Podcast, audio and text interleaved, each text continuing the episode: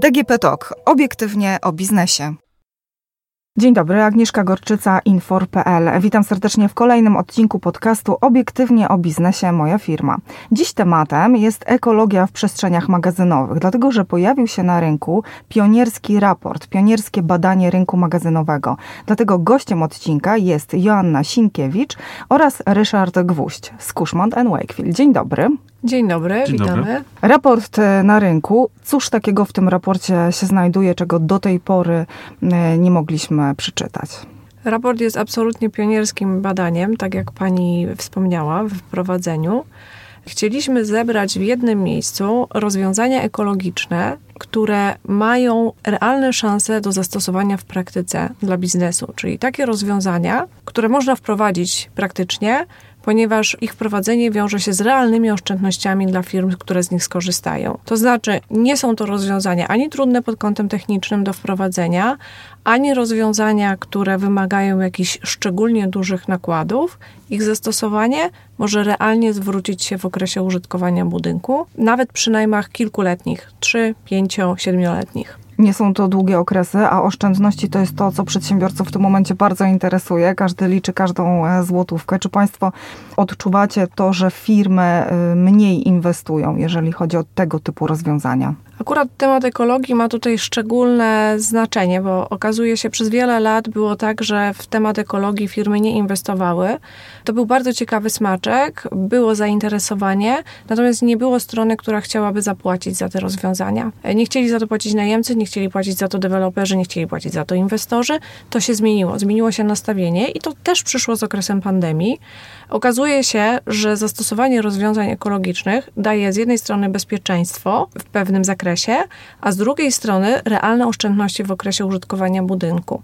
Jeżeli ktoś zamierza w tym budynku zostać na dłużej, nawet niż ta umowa najmu, to na pewno ma bardzo duży sens. Panie Ryszardzie. Celem tego raportu było trochę tak przybliżenie, e, oswojenie naszych potencjalnych klientów e, z tymi różnymi rozwiązaniami. Tak, no bo kiedyś mówiło się, że ekologia tylko dla bogatych, tak? Że bogate kraje stać na rozwiązania ekologiczne. My w tym momencie, jako kraj, który y, rozpoczyna tą ścieżkę ekologiczną, niekoniecznie chcemy y, i mamy pieniądze na takiego typu inwestycje. Zgadza się, bo ta, tak, to, tak to po części było odbierane. Kiedy jeszcze, że to jest ok, są jakieś rozwiązania, ale to dużo kosztuje, jest jakaś bardzo skomplikowana technologia, no i, czy, i to się w ogóle nie opłaca. Jakby tak? tak A jeżeli nawet się opłaca, to w jakim okresie następuje... 15-20-letnim Tak, następuje dokładnie. zwrot Tak, inwestycji. e, Myśmy właśnie tym raportem chcieli pokazać, że te okresy zwrotu inwestycji są rozsądne, no bo wyszło, że to jest między 5, e, 7, 8 lat, w zależności od rozwiązania, które tam przedstawiliśmy i że rzeczywiście, że przedsiębiorstwo już z punktu widzenia, widzenia oszczędności, czy takiego optymalizacji swoich kosztów, powinno takie coś wdrożyć. Oczywiście po jakiejś indywidualnej analizie każdego rozwiązania. No, każda branża czy każda firma wymaga tutaj e, doprecyzowania. Mówimy cały czas o rozwiązaniach. Myślę, że wielu słuchaczy zastanawia się, no dobrze, no ale jakie to są w takim razie rozwiązania? Cóż możemy zdradzić, zanim odeślemy do pełnej wersji raportu? Myśmy skupili się na, na około 10 takich najbardziej, za, najbardziej zaawansowanych rozwiązaniach. To są, po pierwsze to, jest, to było oświetlenie e, LED, które już pomału staje się w budynkach magazynowych właściwie standardem. E, Następnie mówimy o fotowoltaice, o gruntowych wymiennikach ciepła stosowanych do chłodzenia wentylacji, pompach ciepła, e, odzysku ciepła ze sprężarek w przypadku powierzchni przemysłowych oraz e, destryfikatorów powietrza i e, odzysku wody z deszczówki, odzysku wody szarej, czyli wody z jakichś ścieków e, niezanieczyszczonych fekaliami oraz chłodnictwo CO2, czy alternatywa dla chłodnictwa freonowego. Kiedyś było faktycznie tak, że jeżeli chodzi o fotowoltaikę, tutaj odbiorcą końcowym tego produktu był bardzo często konsument, czyli gospodarstwa domowe. W tym momencie ten trend troszkę się odwrócił i coraz więcej firm zaczyna w to inwestować. To potwierdza Państwa raport. Zgadza się i to jest rozwiązanie, którego popularność będzie rosła. Wzrastają koszty energii. No i to będzie motywowało firmy do tego, żeby szukać alternatyw, szukać dodatkowego źródła energii. Też wiele firm, które prowadzą działalności, jest mocno zależne od dostaw energii, od stałych dostaw energii i gwarantuje to też pewien bez- bezpieczeństwa takiego dodatkowego, posiadanie innego źródła energii, również odnawialnej. Także to jest bardzo, bardzo ciekawe zjawisko. Też warto zaznaczyć, że przez wiele lat ekologia w magazynach, w powierzchniach przemysłowych była kojarzona właśnie z fotowoltaiką tylko. E, My chcieliśmy pokazać, że tych rozwiązań jest więcej, e, że ta lista jest zdecydowanie dłuższa, że niekoniecznie fotowoltaika, oczywiście również, ale są też inne rozwiązania, które mogą być ciekawe dla poszczególnych firm. A od czego zależy tak naprawdę, żeby deweloper zdecydował się na inwestycje w zakresie eko? w takim budynku? Tak de facto takim jakby najważniejszym impulsem to jest to, że najemca, który wynajmuje u danego dewelopera, czy chce wynająć danego dewelopera z powierzchnię, był świadomy tego, że takie rozwiązania są i zaraz na początku negocjacji umowy najmu po prostu Zgłosił wyraził chęć, potrzebę. zgłosił potrzebę po prostu. W tak? ogóle powinien o to zapytać, Tak, tak, tak. w pierwszej Dokładnie. kolejności. To jest z tego naszego raportu z badania rynku wyszło, że głównym impulsem zmian na rynku są potrzeby najemcy. I ci, którzy nie wprowadzają jeszcze tych rozwiązań, jako główne wytłumaczenie podają to, że nie było takiej potrzeby zgłoszonej ze strony najemcy. Także raport jest przede wszystkim dla najemców, po to, żeby mieli takie miejsce, z którego mogą skorzystać. Taki troszkę punkt do refleksji dalszej nad tematem zagadnień ekologicznych. Oczywiście to można indywidualnie dostosować do konkretnej firmy, do konkretnych potrzeb. To ma być taki początek. Początek dobrej zmiany, można, Tak jest. Może nie. można w ten sposób e, to podsumować. Ale my absolutnie nie kończymy, dlatego że w Państwa raporcie pojawiło się takie sformułowanie zielonych certyfikatów. Cóż to takiego? Zielone certyfikaty, czy są to certyf- certyfikaty systemów, głównie w Polsce BRIM oraz czasami LEED. To są systemy organizacji, które właśnie podjęły się jakby takiego opiniowania, certyfikowania właśnie danych budynków pod kątem rozwiązań ekologicznych, biorąc pod uwagę to, że e, budownictwo odpowiada za około 40% w ogóle wprowadzania dwutlenku węgla dla, dla atmosfery, więc zmniejszenie tej ilości wprowadzania przez budownictwo spowoduje globalnie duże, duże zmniejszenie tego, tego wprowadzania dwutlenku węgla do atmosfery. I tak de facto ten zrównoważony rozwój e, budownictwa powoduje to, że bierze się pod uwagę wszystkie aspekty podczas budowy, użytkowania i zakończenia e, użytkowania budynku, czyli powiedzmy, jeżeli wa- ważne jest wykorzystywanie różnych materiałów, elementów konstrukcyjnych, które można potem łatwo poddać recyklingowi, wykorzystać w kolejnym nowym budynku. Ważne jest to, żeby e, odległość tych e, produkcji, tych elementów od e, miejsca budowy nie była odległa, żeby nie, nie trzeba było tego transportować przez pół świata. Częściowo to się po, pokrywa z tymi rozwiązaniami związanymi o- energooszczędnymi, ale nie do końca, że tak powiem, bo, bo to są jakby dwa, dwa różne, i to wpływa na ekologię i to, ale certyfikaty jakby służą do takiego całościowego oceny, czy budynek jest ekologiczny, z tym, że to jest ważne o, też poziom tego certyfikatu.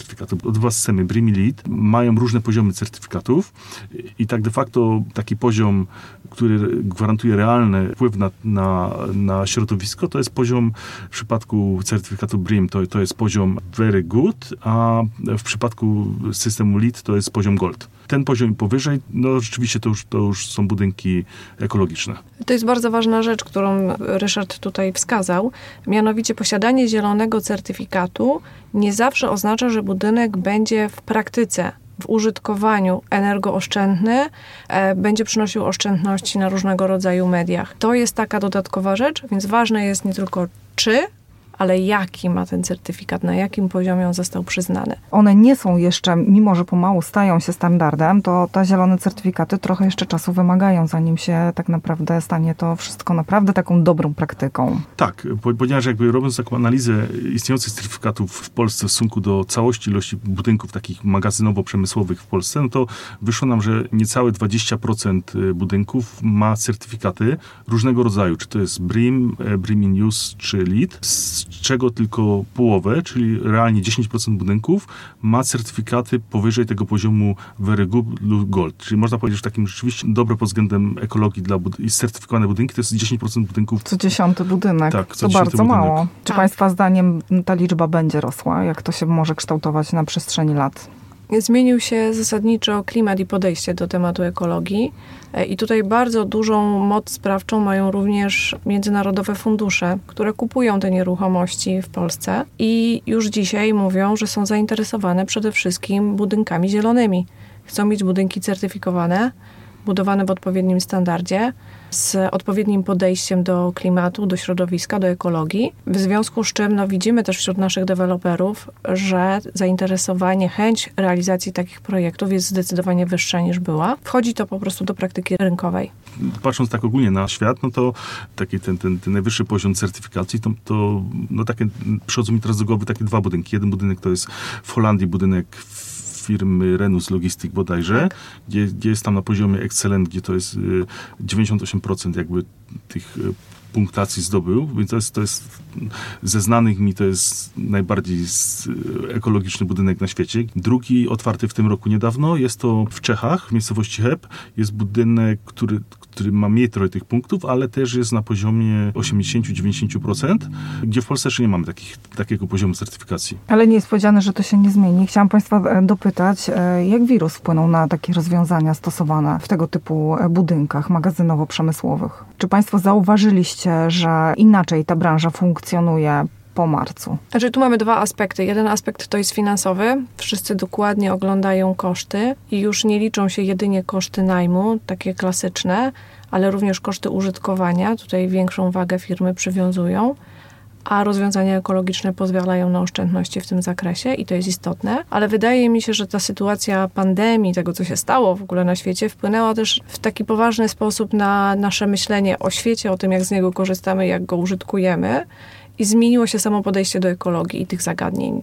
To już nie są tylko nowinki dla tych bogatych, ale trzeba to zacząć wprowadzać praktycznie w nasze życie. Tak, i praktycznie patrząc na cały cykl życia budynku, patrząc na wszystkie koszty, które ponosi dana firma użytkując dany budynek, z tego raportu wynika, że w większości te rozwiązania powodują, że to się po prostu opłaci, tak? Już jakby niezależnie od samego takiego wpływu na jakość życia na planecie, po prostu no to fizycznie dla firmy w Tak, zostaje więcej pieniędzy w portfelu. Czy koszty wprowadzenia tych rozwiązań, o których Państwo y, piszecie y, w raporcie, są różne w zależności od tego, czy budynek dopiero powstaje, czy budynek jest? Tak, to, to tak, bo generalnie jakby my przygotowując te symulacje kosztów poszczególnych rozwiązań, czas wzrostu inwestycji, założyliśmy taki teoretyczny budynek magazynowy o tam powierzchni, wysokości, ilości użytkowników, zużyciu energii i tam innych takich teoretycznych parametrach. Znaczy one są, to, to nie jest jakiś całkowicie wymyślony, jest to taki... No, uśrednione, Uśredniony tak. po prostu, tak. Y, Oczywiście m, to do każdego przykładu trzeba to po prostu dostosować już, już dla konkretnej firmy, ale na pewno budując nowy budynek, powiedzmy ten hipotetyczny, mając taki nowy, nowy budynek w porównaniu z wprowadzeniem tych rozwiązań w istniejącym budynku. Na pewno ten istniejącym budynku będzie to trochę droższe do wprowadzenia. Akurat tych kosztów nie liczyliśmy, ile, ile to będzie kosztować w, w istniejącym budynku. No to jest może jakiś tam temat na następne Ale to jest tak, obliczenia. to jest na pewno zagadnienie, które Z tym, że- chcielibyśmy z- z tym, poruszyć. z tym, że patrząc tak e, już po tej takiej naszej analizie dokładnej tego wszystkiego, to, to, to może okazać się, że na przykład wprowadzenie takich systemów spowoduje, że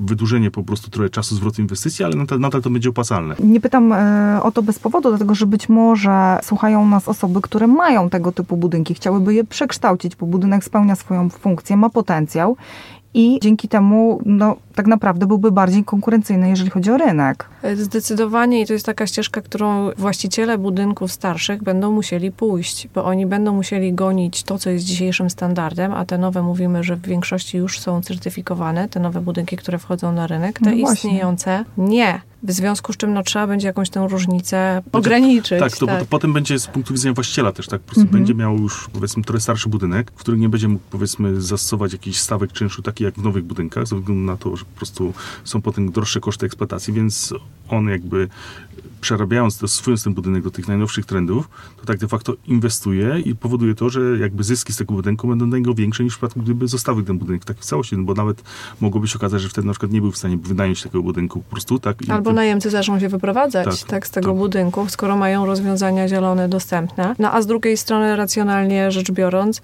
no to lepiej wykorzystać te budynki, które istnieją i je dostosować do dzisiejszych trendów ekologicznych, niż budować kolejne, tak? Jak to w ogóle, drodzy Państwo, wygląda w czasie? Wdrożenie poszczególnych rozwiązań. No chyba najszybciej to będzie z tymi LEDami, prawda? Znaczy, Czy niekoniecznie? To, to, znaczy, to, to tak, to zależy, czy mówimy o istniejącym budynku, czy nowym budynku. Bo jeżeli mówimy o nowym budynku, no to, to tak de facto wdrożenie tych rozwiązań na etapie budowy, No właściwie nie wydłuży to, to nie wydłuża, no bo to po Dokładnie. prostu trzeba na etapie po prostu Zaplanować, e, tak. uzgodnić e, wszystko w umowie najmu i potem na etapie projektowania już projektujemy z myślą o, o tych, że będzie stosować te rozwiązania, co nie wydłuża czasu projektowania, no i potem czas budowy też się nie zmienia, więc w przypadku nowego budynku, jeżeli odpowiednio wcześnie rozmawiamy na ten temat przed podpisaniem umowy najmu, no to wtedy, wtedy czas jest taki sam. Czy budujemy z- zielone budynki, czy niezielone budynki, to jest to samo. Tak? W Znaczy, przypadku, no zakładamy, że budujemy już te Tak, tak, zielone, tak, tak? tak, No, tak, no, to- ale mówię porównania Tak. o, ten czas budowy, więc to nie ma wpływu. Gorzej z tymi, które już funkcjonują. Tak, jeżeli chodzi o funkcjonowanie, to, po- to potem też wszystko zależy od tego, czy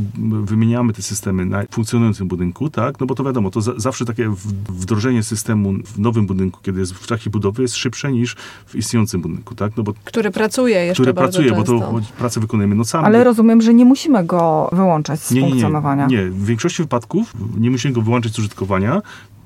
Robimy to w trakcie, tylko oczywiście wtedy trzeba stworzyć odpowiedni harmonogram i robić to poza godzinami pracy. No, może mogą być takie wyjątki, na przykład są firmy, które mają tam ze względu na jakieś e, wartościowe produkcje, czy jakieś tajne produkcje, które mają po prostu nie Jaką dopuszczają. tajną produkcję, panie Znaczy, Ryszardzie? no, chodzi, bardziej chodzi o, o, o jakieś tam e, tajemnice Specyficzny firmy po prostu. proces, Tak, tak, czy- Fotowoltaika i tajna produkcja. nie brzmi to dobrze. Nie, Ta- Także to wtedy, że nie dopuszczają na przykład ekip y, zewnętrznych Mhm. y, na tą swoją powierzchnię, tylko muszą wszystko po prostu Kontrolować, tak, z uwagi na wartość Wtedy ten, towaru, ale mówimy o, o, sta, o standardowych operacjach, czy to firmy logistyczne, czy produkcyjne. To wszystko można robić w trakcie, oczywiście odpowiednio to, przygotowując odpowiedni plan tego, tego projektu, tej, wymiany. Trwa to dłużej niż gdybyśmy montowali w pustym takim jeszcze nieużytkowanym budynku, ale to też takie rzeczy się robi, tak? Wszystkie takie przecież remonty, czy- nie, akurat mówimy o wprowadzaniu sy- systemów e, takich ekologicznych, ale jeżeli nawet firmy robią zwykłe remonty, jakieś takie wymieniają na przykład centrale wentylacyjne, jakieś instalacje e, wentylacji, tak. e, już tak, takie po jakichś tam iluś latach użytkowania, to też to robią w trakcie użytkowania, tak? No tak, to wszystko funkcjonuje. Drodzy Państwo, na, na koniec jeszcze ostatnie pytanie. Jak Państwo wyobrażacie sobie rozwój ekologicznych budynków na przestrzeni kilku lat? W którą stronę to będzie się kształtować? Według nas przy nowych budynkach to już staje się standardem. Mamy nadzieję, że podobny trend będzie dotyczył też budynków istniejących. No i ja czekam na ten budynek outstanding. Tak, tak. Zdecydowanie, tak? Bardzo Jaka byśmy chcieli, oczach. bardzo byśmy chcieli zobaczyć te najwyższe poziomy certyfikacji, również w Polsce. Takie spektakularne budynki, jak już blisko u naszych sąsiadów powstał, czy, czy jak ten w Holandii. Mhm. Zgadza się. Gdzie można e, znaleźć e, w takim razie pełną wersję raportu, jeżeli ktoś będzie chciał e, odszukać go i zapoznać się ze wszystkimi rozwiązaniami, jakie Państwo proponujecie? Zapraszamy na naszą stronę internetową industrial.pl. Tam Państwo ściągniecie pełną wersję raportu. Dziękuję serdecznie za wizytę w studio. Gośćmi odcinka podcastu Obiektywnie o biznesie Moja Firma byli Joanna Sinkiewicz oraz Ryszard Gwóźdź. Dziękuję serdecznie. Dziękujemy. Dziękujemy.